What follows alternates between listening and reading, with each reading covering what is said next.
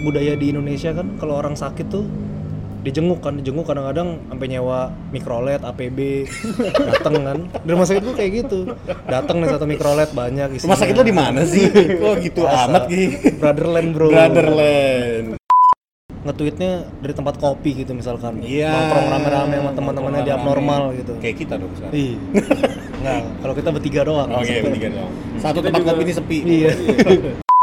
Bukan ngalamin, gue ngeliat berita Istiqlal udah bilang untuk membatalkan sholat Jumat diganti dengan sholat zuhur berjamaah. Eh, sekalian aja sholat Jumat. Ngapain sholat zuhur berjamaah? Itu sih yang gue bingung.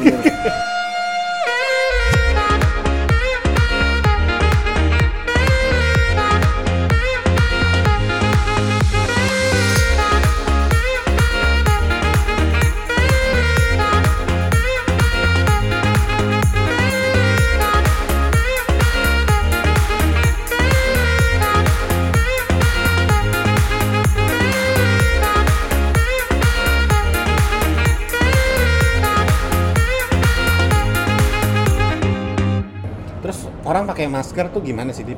Siapa yang harus pakai Nah, masker, siapa yang nggak usah deh pakai masker gitu. Sekarang kan orang lagi pada heboh nih kan.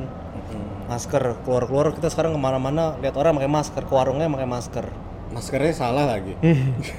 masker gambar Doraemon gitu. Gambar Doraemon, masker masker naik motor Nah, gitu. masker kain. Jadi masker itu sebenarnya yang direkomendasikan itu adalah awalnya untuk tenaga medis yang bekerja di rumah sakit. Ya. Terus sama orang yang sakit kenapa orang yang sakit jadi dia supaya mengurangi kemungkinan dia itu menyebarkan lah menyebarkan virus-virus atau bakteri ke Jadi menyebarkan ya, bukan tertular ya. lain. nah, Itu bukan tertular ingat. jadi eh, virus itu adalah eh virus itu masker itu buat supaya kita nggak nyebarin ke orang lain dengan kita ngomong batuk Hmm. terus apalah niup jadi semuanya ketahan di masker jadi kalau orang yang sehat sebenarnya selama dia nggak kerja di rumah sakit sih fine fine aja nggak pakai Oke. masker kecuali dia naik KRL atau ke busway yang kerumunan Mm-mm. itu masih bisa lah masih oke pakai masker Ya. cuma kalau dia masih naik kendaraan sendiri pribadi naik motor naik mobil dia pakai masker ya buang-buang gitu Ya. soalnya nggak nggak tepat juga penggunaannya Ya tapi kan ada yang orang yang ngomong, ya kita nggak kebagian masker, jadi mau nggak mau kita pakai yang kayak gini nih, gitu. Gimana tuh? jadi untuk Masker yang se- nggak sesuai standar. Iya. Nah sekarang kan udah mulai banyak juga tuh di Instagram, Twitter, sama web bisa tahu tuh masker itu ada pembagian jenisnya apa-apa aja sama speknya. Ya. Nanti lo pada bisa baca sendiri. Ya. Makanya kalau udah kayak gini harus rajin-rajin baca lah dengan sumber yang valid ya. Ya. Cari aja dari WHO pasti ngeluarin. Nah WHO udah ngeluarin. Pada intinya eh, yang masker-masker kain itu yang kalian pakai untuk naik motor segala macam itu sebenarnya untuk me- supaya mengfilter debu doang tuh ya, pollen sebenarnya. Jadi sebenarnya untuk virus, untuk yang mikro-mikro gitu kurang bermanfaat. Tapi kalau kalian pengen ngerasa tenang atau terpakai ya silahkan. Nah, setidaknya eh, droplet-droplet itu mungkin tidak lewat. Masih gitu ketahan ya, masih ya, ketahan. ibarat. Tapi sebenarnya kalau kalian di ruangan bebas atau udara bebas itu nggak perlu pakai kecuali yang sakit, ya kan? Nah, terus kan ada nih yang kalau orang suka dapat-dapat dari Instagram atau dari WhatsApp bisa airborne nggak sih sebenarnya bisa bisa menular lewat udara nggak sih? Yang kemarin heboh ya Yang di grup heboh. WhatsApp orang-orang pada sampai takut kan Ya. airborne. Airborne tuh jadi dia virusnya bisa nyebar lewat udara. Ya. Jadi udara yang kita hirup ada kemungkinan virus. Jadi sebenarnya yang dimasuk yang dimaksud itu tuh itu untuk di rumah sakit atau di eh, tempat-tempat Yang pengap lah, yang eh, ventilasinya yang pengap. kurang. ventilasinya kurang atau di gedung yang full AC. Mungkin di pesawat bisa Bon ya, harusnya ya. Di pesawat pun juga bisa, Bisa, airborne. bisa, bisa. Eh, masih ada kemungkinan, tapi kemungkinannya itu berapa? 30% ya? Ya, jadi ada penelitiannya kemarin eh, dipublish di jurnal kedokteran New England Journal of Medicine. Hmm. Itu memang disebut di situ dicobakan eh, coronavirus itu ditaruh di beberapa medium, udara, plastik, terus timbal, pokoknya stainless steel, hal-hal yang ada di kehidupan kita sehari-hari. Dan eh, di udara memang di situ di penelitian itu menyebutkan benar-benar habis itu dalam waktu tiga jam, jam. baru habis. Jadi sebenarnya penularan melewat udara dimungkinkan walaupun tidak pasti gitu ya. Hmm. Tapi kembali lagi kalau untuk udara bebas saya yakin aman karena dari eh, tingkat tiga jam tadi terus eh, apa namanya cuma 30% dalam eh, di udara itu ada itu sebenarnya kecil. Tapi untuk daerah-daerah tempat tertutup kayak kantor misalkan gedung tadi yang sebutin di Bia sebaiknya dipakai Iya. gitu. Jadi sebenarnya kalau ke rumah sakit tuh kita malah datengin virus gitu. Karena Betul. airborne bisa lebih bisa. tinggi gitu ya. Makanya sekarang Iya. udah mulai tiap departemen tuh kan sekarang Iya. udah bisa ngelihat dari misalkan dia dari neurologi, penyakit dalam, dia udah ngasih tahu tuh penyakit-penyakit yang gawat darurat apa aja yang harus ke rumah, ke rumah sakit. Kalau nggak penting-penting amat nggak usah lah. mending nggak usah ke rumah sakit. Jadi, Jadi kalau rumah enak sakit badan dikit nggak lang- usah langsung ke rumah sakit ya disaranin ya. Iya betul. Jadi ke rumah sakit sekarang udah jadi opsi pilihan terakhir. Kalau yang bener-bener parah, nanti tuh kan bisa dilihat tuh masing-masing tuh bidang nanti ada kriterianya apa aja yang dimasuk dimaksud dengan kegawatan. Betul. Nah, ini Terutama di Jakarta yang sedang jadi epicenter Ah. dari penularan corona ini, Betul. nggak usah deh atau benar-benar dikurangin untuk uh, pergi ke rumah sakit kalau nggak penting-penting amat. Nah ini salah satu sisi bagusnya dari corona juga. Jadi mengedukasi orang tuh tahu dia apa tuh gawat, apa tuh darurat, apa itu gawat darurat di situ lah. Nah, Apa tuh? Hah? Ya nanti bisa dibaca sendiri kan. Gimana sih? Kalau dijelasin statement nggak bisa iya, jawab. Kayak anak kuliah nanti kalau dijelasin. Udah baca sendiri, biar rajin. Ya, Kan kalau Hmm. kalau rumah sakit gue itu di rumah sakit kanker Darmais memang sampai saat ini sih alhamdulillah belum ada yang suspek corona di Iya. dalam rumah sakit. Tapi kami udah melakukan eh, screening untuk pasien-pasien atau orang-orang semua yang datang ke gedung itu di screening, dicek eh, suhunya segala macam.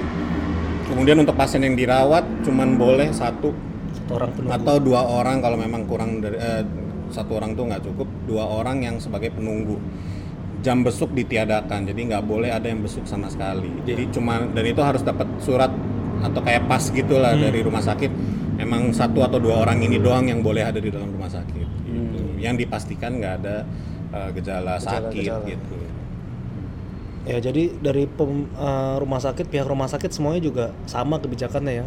Udah dilakukan segala hal untuk menekan angka penularan. Jadi tinggal gimana respon dari masyarakat aja untuk mau nurutin apa enggak. Karena kadang-kadang kenyataannya kan budaya di Indonesia kan kalau orang sakit tuh dijenguk kan dijenguk kadang-kadang sampai nyewa mikrolet APB dateng kan di rumah sakit tuh kayak gitu dateng nih satu mikrolet banyak isinya. rumah sakit lo di mana sih kok gitu Biasa. amat gitu Brotherland bro. Brotherland Brotherland. artiin sendiri oke Nah, di situ, apalagi kayak kayak orang mau naik haji ya. yang naik haji, RCM, giliran mereka dilarang untuk masuk, Sekalian belanja sih gua rasa. Hmm. Hmm.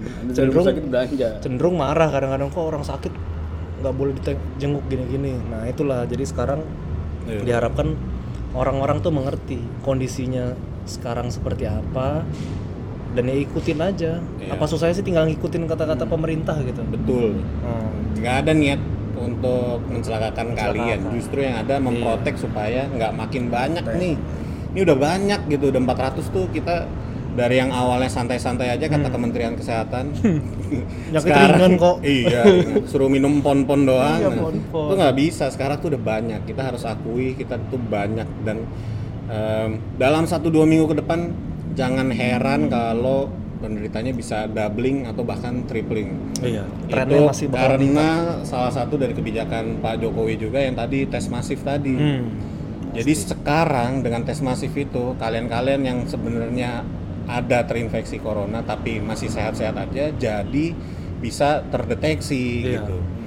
Dan nggak perlu takut gitu karena satu ingat lagi kalian tuh belum tentu pasti sakit. Tapi kita harus tahu pemerintah tuh harus tahu yang terinfeksi siapa aja dan di daerah mana aja sehingga bisa ditentukan strategi atau kebijakannya dalam ke depannya untuk menekan ini gimana gitu.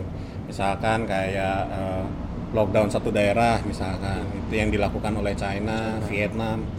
Nah, seperti hal-hal seperti itu yang harus pemerintah lakuin gitu.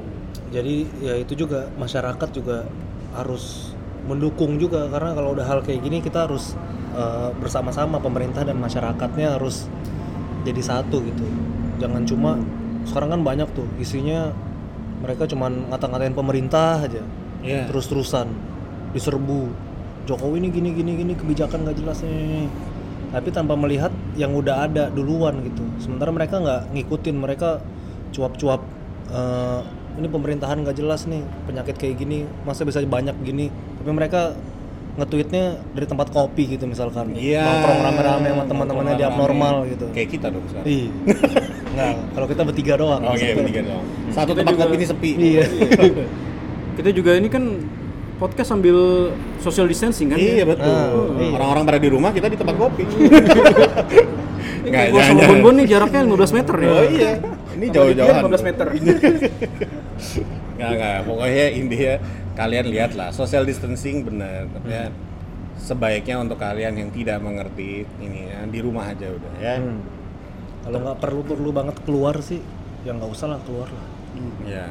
Belanja online juga masih bisa sih gampang sekarang semuanya. Ya, belanja online pun juga sekarang udah sam- Gojek sama Grab tuh gue lihat udah mengatur mereka kalau kalian mesen eh, makanan atau belanjaan, mereka juga menghimbau untuk nggak kontak langsung sama drivernya. Iya. Jadi drivernya suruh gantungin di pagar atau taruh di lobi kalau yang tinggal di apartemen, nanti kalian yang ngambil, di Ambil. SOP SOP sekarang udah pada jadi, udah lengkap ya. Inilah. Emang sekarang masa susah, masa ribet, tapi mudah-mudahan dengan keribetan dan kesusahan kita semua melakukan itu cepat untuk eh, habisnya nih Iya. virus ya. Semoga kita bisa lebaran, bisa kumpul keluarga. itu Nah, targetnya itu, sebenarnya. Targetnya kan lebaran. Kumpul keluarga. Soalnya kalau ternyata belum selesai pas lebaran, Iya, kita nggak bisa kumpul keluarga, nggak bisa mudik. nah itu kita yang sadar. Kalau yang pada Iya. nggak sadar tetap mudik, Sadar, tetap. lebih Nah, itu lebih lebih parah lagi, Bos. Jadi tolonglah dalam beberapa bulan nih ditahan-tahan dulu lah demi bisa lebaran sama keluarganya di kampung atau di mana pun gitu ke rumah nenek. Ya, ya, ya. Terus ya itu sih udah cukup ya tadi info-info tentang coronanya. Gue sih mau bahas sedikit nih mungkin eh, karena orang banyak yang resah, orang banyak yang menghardik pemerintah kita gitu ya. Dari Rian dulu deh, lu ngerasa sebenarnya pemerintah kita tuh sebenarnya tanggap nggak sih atau kurang lebihnya itu apa? Ada yang mengganjal gitu kak. Kalau dari gue pertama gue lihat memang ya kalau dari gue pribadi sih pemerintah awalnya menganggap remeh, Betul. menganggap remeh. Karena kita misalnya di Wuhan itu udah ribuan terinfeksi corona kita belum ada saat itu kan awal Januari. Dan kita nggak ada tanda-tanda untuk Iya, nggak ada tanda-tanda. eh, nyiapin kemungkinan Iya, itu ya. pejabat-pejabat Malah dicengin corona ya. Iya. malah dicengin. Mohon maaf Pak Wapres, Anda ngomongnya menurut saya nggak banget sih. Saya ngerti kita sebagai umat Islam doa, tapi nggak gitu caranya Betul. Anda ngomong gitu. Kedua, setelah nganggap remeh, mulai ada apa namanya satu dua kasus, mulai tuh eh, tanggap. Tapi tanggapnya pun juga nggak langsung cepat gitu. Apa tuh misalnya? Misalnya ya eh ya kan setelah kasus pertama, kasus kedua dan kasus ketiga kita masih bisa dibilang masih santai Iya. gitu kan. Pemerintah masih santai gitu nanggepinnya. Ya, ya, ya. sampai akhirnya jumlahnya meningkat sampai sekarang baru eh, himbauan eh, work from home itu seminggu yang lalu gitu. Sekarang akhir minggu ini mulai keluar eh, instruksi dari Gubernur DKI Jakarta kan kalau di DKI Jakarta. Presiden juga ya dari minggu lalu tuh baru himbauan, belum ada kebijakan yang legal. Itu mungkin yang nyebabin masih ada beberapa kantor yang nggak work from home. Oke. Masih Jadi masuk. ya pe- pencegahannya masih masih kurang lah gitu. Terus concern gua itu masalah infrastruktur sih sama tenaga sumber eh, sumber daya tenaga medis ya gitu. Kalau sekarang kan kita udah mulai apa presiden kan udah mulai eh, ngambil tindakan untuk tes masif. Nah itu butuh disosialisasiin lagi sih implementasi kayak gimana kalau misalnya kayak di Korea itu kita bisa eh, warga di sana bisa tes masif eh, lewat mobil gitu kayak drive thru gitu Drive-thru. Iya. Hmm. Dan itu gue baca juga eh, bi- sebetulnya ya memang pemerintah bakal ngeluarin biaya untuk satu station itu. Gue baca eh, si pemerintah Korea itu dia ngeluarin 180 juta untuk satu station. Hmm, Satu station tes corona 180 itu. juta ini, Iya. Zimbabwe. Rupiah, rupiah. Rupiah. Beli ayam goreng doang. Nah itu kalau misalnya di di mana ya misalnya di Jakarta dulu lah kita mel- ngelihat ada misalnya 20 kecamatan yang terinfeksi gitu yang udah ada eh, setelah di tracing ada 20 kecamatan yang udah eh, punya eh, apa ya? Zona merah. Ya zona merah lah bisa dibilang. Udah punya eh, pasien corona di situ.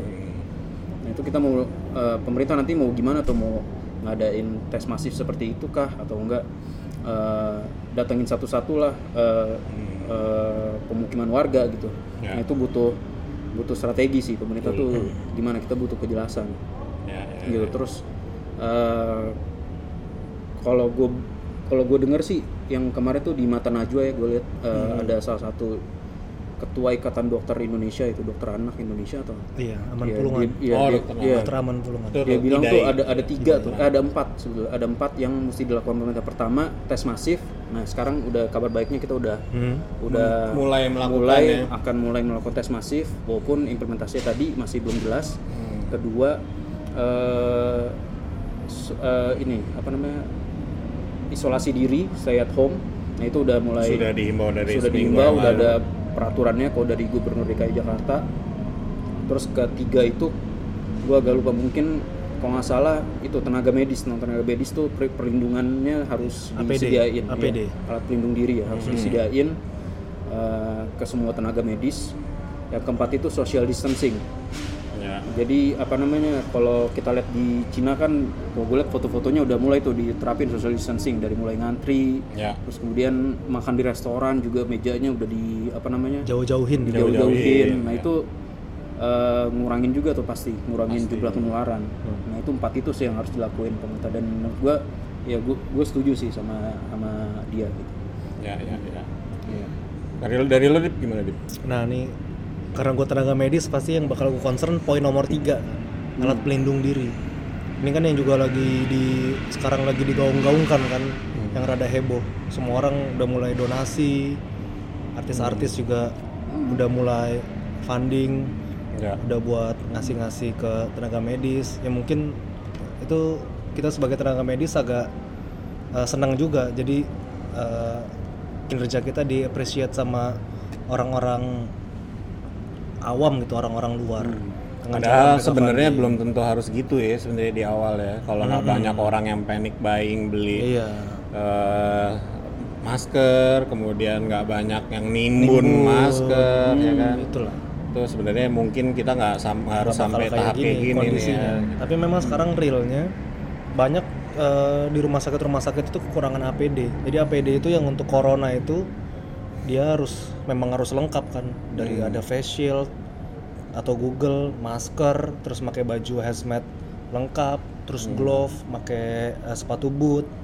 Nah itu, nah kadang kita itu banyak kekurangan, entah karena dulu banyak yang nimbun atau Ya. Yang nggak dapet pakai apa? import ke China. Ya kalau nggak dapet kayak gua kemarin pakai jas hujan. Cuman ya mau gimana nah lagi? itu PR pemerintah sih menurut gue tuh Ah, tapi sekarang BNPB gue lihat sih dia udah mulai kemarin berapa banyak gitu dia ngeluarin ya? APD impor. Terus rumah sakit gue juga dapat donasi kemarin dari Afgan. Dia Afgan ngasih ya. Kenal banget kayaknya. Afghanistan atau Afgan Afgan penyanyi bro. Iya iya. Dapat. Terima kasih Afgan ya Iya, terus gue juga lihat banyak artis-artis kayak influencer sekarang udah mulai menggaungkan. Akhirnya ya itulah itu mungkin salah satu bentuk solidaritas dan gotong royong kita Indonesia kan bangsa yang gotong royong sebenarnya kan. Mungkin hal-hal kayak gini sebenarnya gampang kalau kita bergotong royong itu untuk eh, nanganinnya pasti bisa cepat. Ya. Ya, kalau gue sendiri sih mau menyoroti nih dari segi pemerintah ya. Hmm. Mungkin agak keras nih. Eh, menurut gue sih Menteri Kesehatan eh, Pak Terawan. salah satu yang harus dipersalahkan di sini gitu. Ya mungkin gue nggak tahu persis apa yang terjadi di istana atau di Kementerian Kesehatan ya, tapi dia jelas harus bertanggung jawab atas semua yang terjadi Iya. sampai saat ini gitu. Baik itu sekarang uh, banyak yang positif, kemudian lambannya terjadi uh, kebijakan segala macam. Awal yang sangat meremehkan Iya. itu gitu. Terus banyak juga angka Komen-komennya yang menunjukkan meremehkan itu gitu. Itu bagian dari apa ya tugas bapak sebagai Iya. menteri Dan pemimpin. pemimpin di sini ya tetap aja Pak Jokowi gimana pun juga dia sebagai kepala negara menjadi salah satu yang harus disalahin juga. Bertanggung jawab. Cuman ya bertanggung jawab Bertanggung bukan jawab, disalahin. bertanggung bertanggung jawab. Karena ya eh, dia bagian dari yang lamban ini gitu. Walaupun dia memang yang nggak ngerti gitu. Dia Iya. udah harusnya dapat bisikan dari yang ngerti.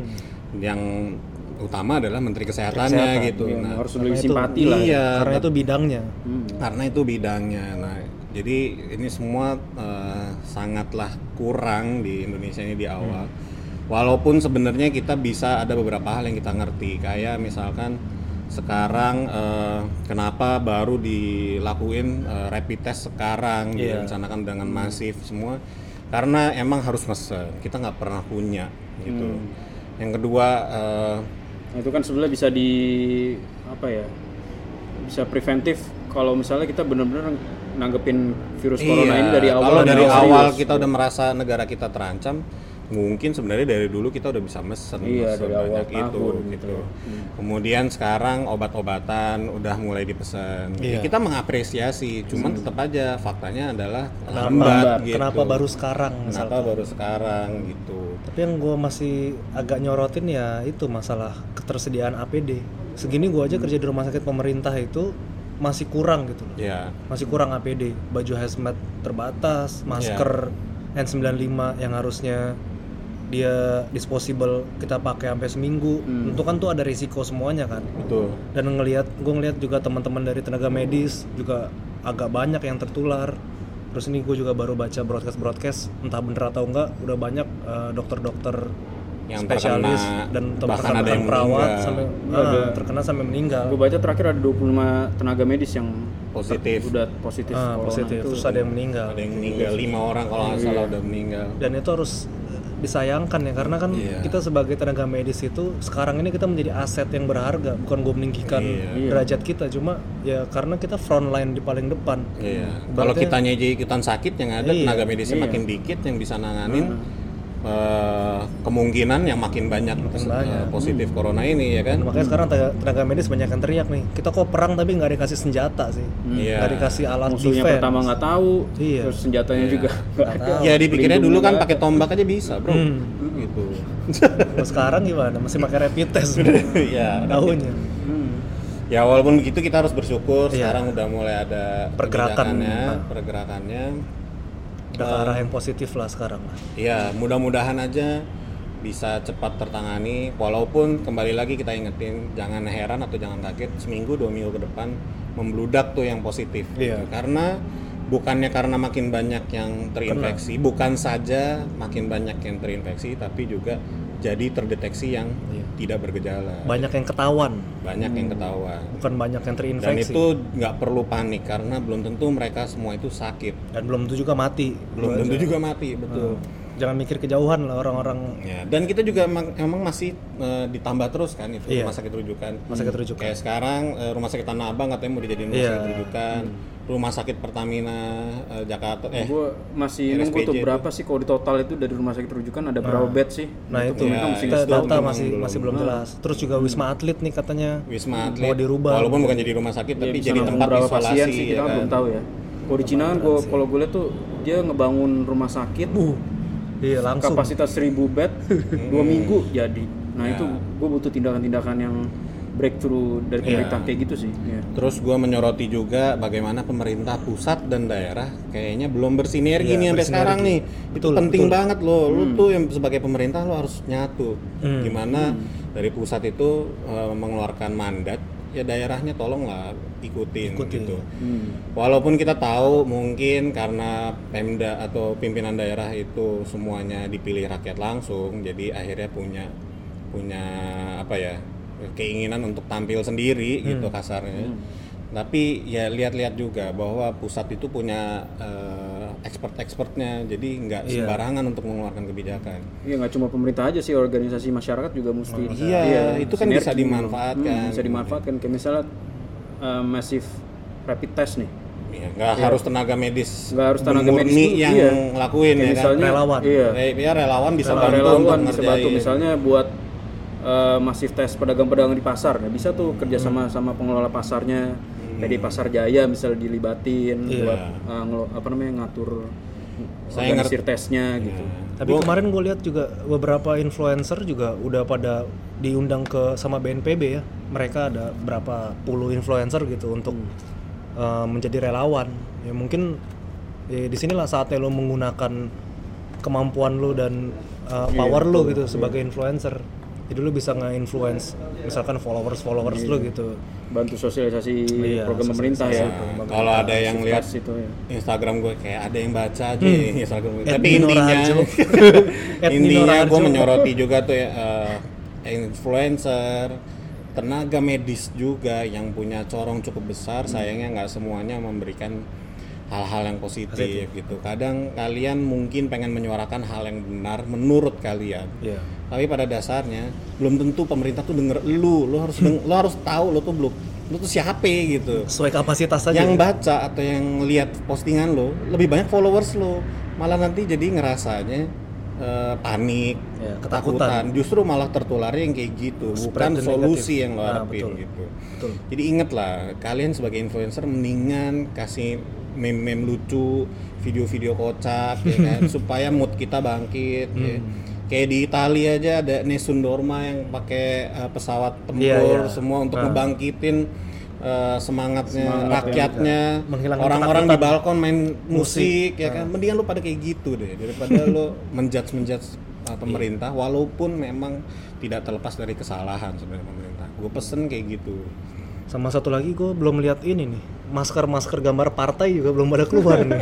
nah itu partai kan bisa nggak partai kan pas lagi pilkada Iya, atau dananya pemilu kan bisa ngasih kaos gratis Iya. ini APD gratis lah kalian APD bisa gratis dong minimal. Oh, setuju setuju. Iya dong, Ya, kaos gratis oke mungkin lebih murah, tapi kan Iya. APD Sama lu ini sih punya nunggu pemerintah tuh ngeluarin peraturan yang kalau ninggiin harga masker tuh ilegal. Iya. Kayak di Singapura tuh nggak boleh loh penjual masker tuh ninggiin harga masker. Sekarang kan terjadi di Iya. pasar kan eh, harga masker 10 kali lipat lebih tinggi dari Nah, biasanya. Nah, ini itu juga di- karena gue ilegal. pengalaman tante gue punya toko di pasar Pramuka. sebagai praktisi. Nah, jadi gue ya mungkin sedikit lebih tahu lah kondisi pasar. Jadi kadang tuh orang mikir, ah ini kok toko ngejualnya harga tinggi nih. Hmm. Lo gimana kita nggak tinggi? Sedangkan kita dapat harga dari uh, Oh, dari supplier. supplier juga udah tinggi. Heeh. Nah itu mungkin bukan pure supplier ya, mungkin salesnya yang bandel, Oh, distributor. Jadi distributor mungkin didapat dengan harga awal HET.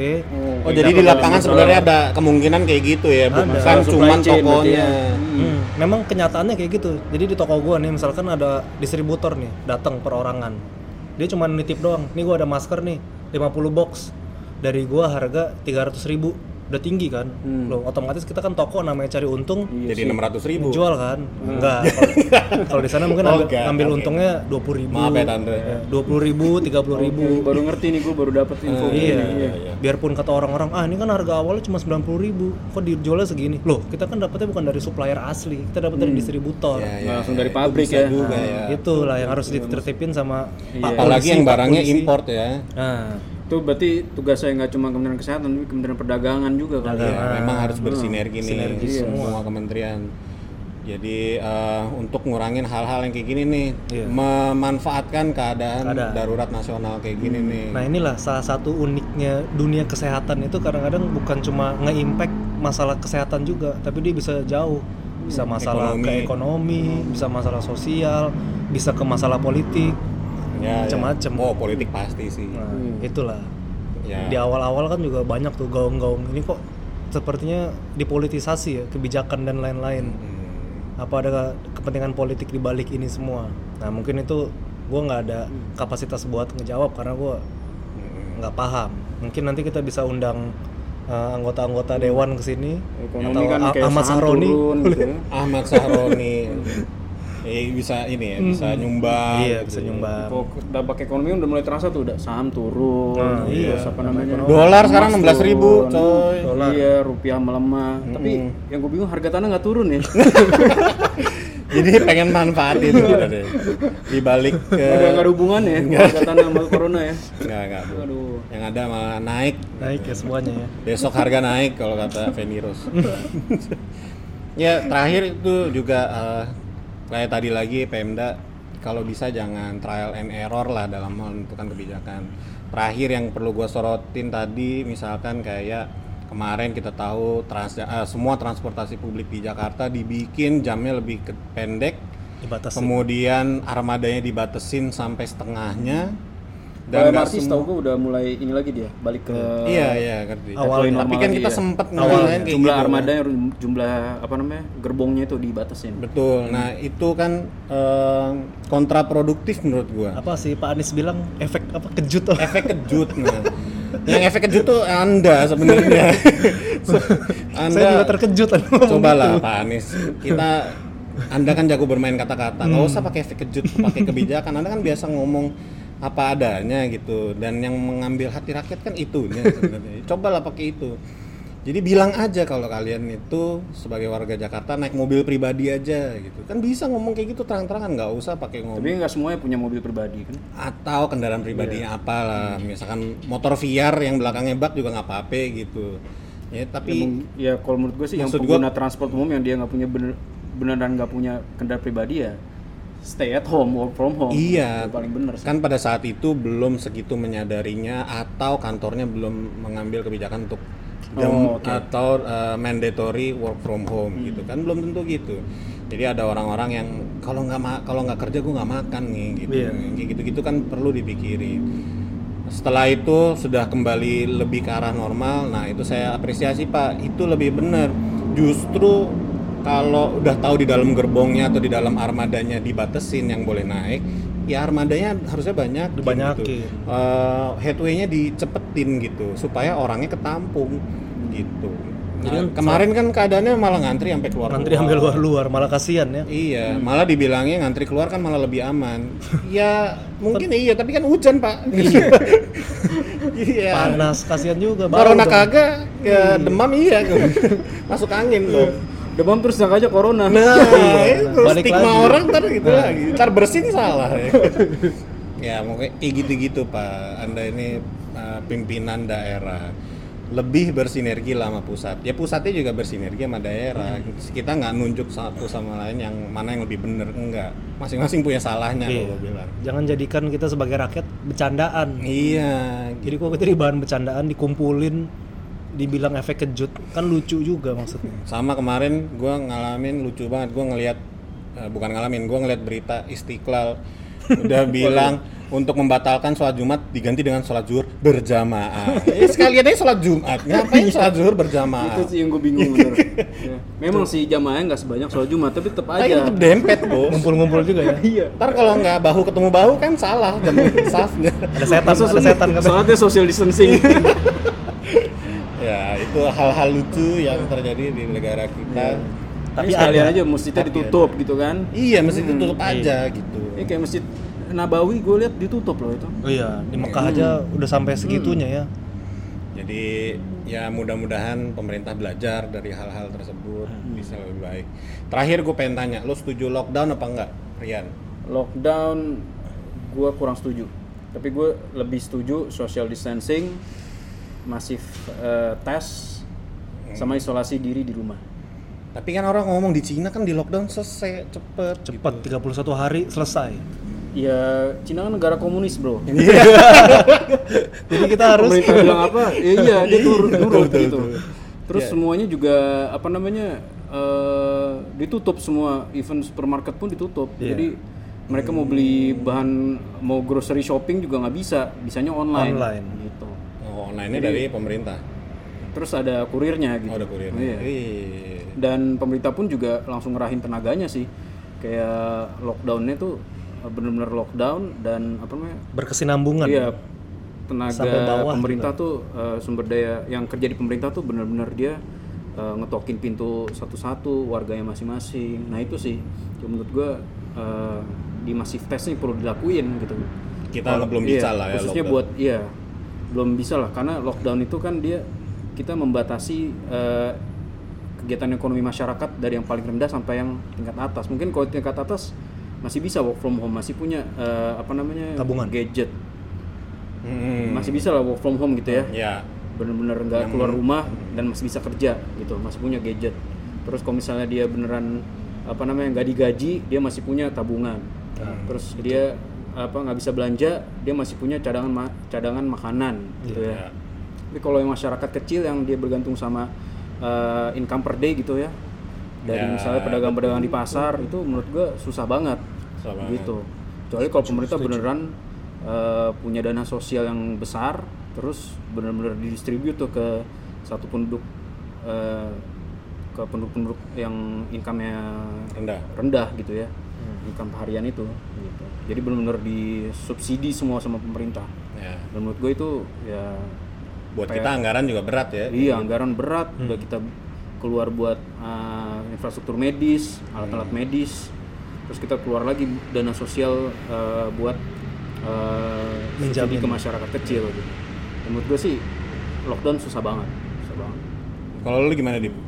gue juga sama sih kayak Rian nggak setuju. Karena ngelihat dari tatanan masyarakat demografi dan lain-lain di Indonesia ini nggak bisa diterapin lockdown kayak di Wuhan misalkan. Mungkin gue tahu kondisi di Wuhan karena gue ngelihat di YouTube kan. Ada tuh salah satu dokumenter dari CNBC lockdown in Wuhan tuh bagus. Filmnya buat tahu gimana kondisi dan dampak corona ke orang-orang jadi lu bisa tonton nanti tinggal search lockdown in Wuhan Nah itu gimana sih lockdown tuh? Dan itu kalau kita terapin ke Indonesia nggak bakal mungkin, nggak bakal bisa. Yang ada malah bisa bikin chaos. Bisa bikin chaosnya karena dari itu. kayak 98 ya. 98 karena banyak orang kelaparan pasti nggak bisa kerja Iya, ada ngejarah. nggak bener makan. ngejarah. Ngejarah. Jadi ya mungkin yang kayak di film Contagion tuh gue liat. Hmm, ngejarah. Ya contagion tuh sangat merepresentatif keadaan kita sekarang sih. Jadi mungkin gue setujunya kalau sekarang mungkin zonasi ya zona zona merah kayak Korea kan dia zonasi kan jadi pemetaannya tuh jelas. Dan orang-orang yang ilmunya di situ ilmu apa? Epidemiologi berarti kan mereka. Jadi harus banyak tuh kan sarjana epidemiologi yang kesehatan masyarakat. Masyarakat pakar-pakar epidemiologi di Indonesia itu kan banyak. Ya inilah saatnya kita tuh bekerja bareng-bareng gitu loh untuk memecahkan masalah ini. Jadi bukan cuman ngerahin uh, tenaga medis rumah sakit aja tapi ya semua pihak harus ikut juga. Ya. Ya kalau gue sendiri sih sangat-sangat bersyukur sampai saat ini Pak Jokowi tidak mengambil kebijakan lockdown, Lockdown. karena jujur aja gue sampai di tahap enek jujur aja sekarang. Enek sama jijik sama influencer oh iya. sama uh, orang-orang yang mengencourage lockdown. Iya mereka udah kayak expert coy. Maksudnya langsung ya Coy, nggak bisa lo bandingin negara ke negara kebijakannya itu sangat-sangat berbeda. Demografi kita aja beda gitu. Jauh. Kita tuh negara kepulauan. Lo bayangin nggak sih Jakarta aja yang sebagai pusat bisnis ini, kemudian satu negara di eh, lockdown, ntar distribusi ke daerah-daerah pulau lain gimana? Terus ntar makanan-makanan untuk orang-orang eh, menengah ke bawah tadi. iya Gue yakin yang track-track lockdown itu lo menengah ke atas. Lo nggak mikirin yang menengah ke bawah tuh gimana? menengah ke bawah sih kayak pedagang di pasar juga nggak peduli bro sama corona kalau menurut gua. Iya. yang dia peduli tuh ya dia harus jualan buat makan di hari itu. Perutnya lebih dipikirin cuy daripada corona gitu. Jadi eh, kalau lo lihat solusi di negara lain berhasil bukan berarti di negara kita pasti akan berhasil. Iya. Kita kayak gini aja kelimpungan apalagi lockdown gue yakin deh serius itu kayaknya menurut gua nggak banget ya Eh, ya influencer ada beberapa sampai di Instagram gue mute mutein tuh. Kayak salah satu director kesukaan gua padahal kemarin tapi ya udah tapi kayak eh, pengen banget nih lockdown dengan menghardik pemerintah juga. Ya, inget deh lo tuh bukan siapa-siapa lo nggak ngerti ilmunya gitu. Janganlah menjelek-jelekan Jangan lo ngelihat data dari luar begini, hasilnya begini, terus di Indonesia harus begitu. Enggak, enggak itu tuh enggak banget. Mendingan kayak Dibia tadi bilang zonasi. Jadi dan ini arah untuk ke zonasi tadi dengan rapid test tadi. iya sekarang arahnya mungkin Tujuannya untuk ke sana. membentuk zona-zona mana yang bakal harus zona merah dan akhirnya kebijakannya di zonasi-zonasi tersebut. Gitu. Ada lagi yang mau disampaikan?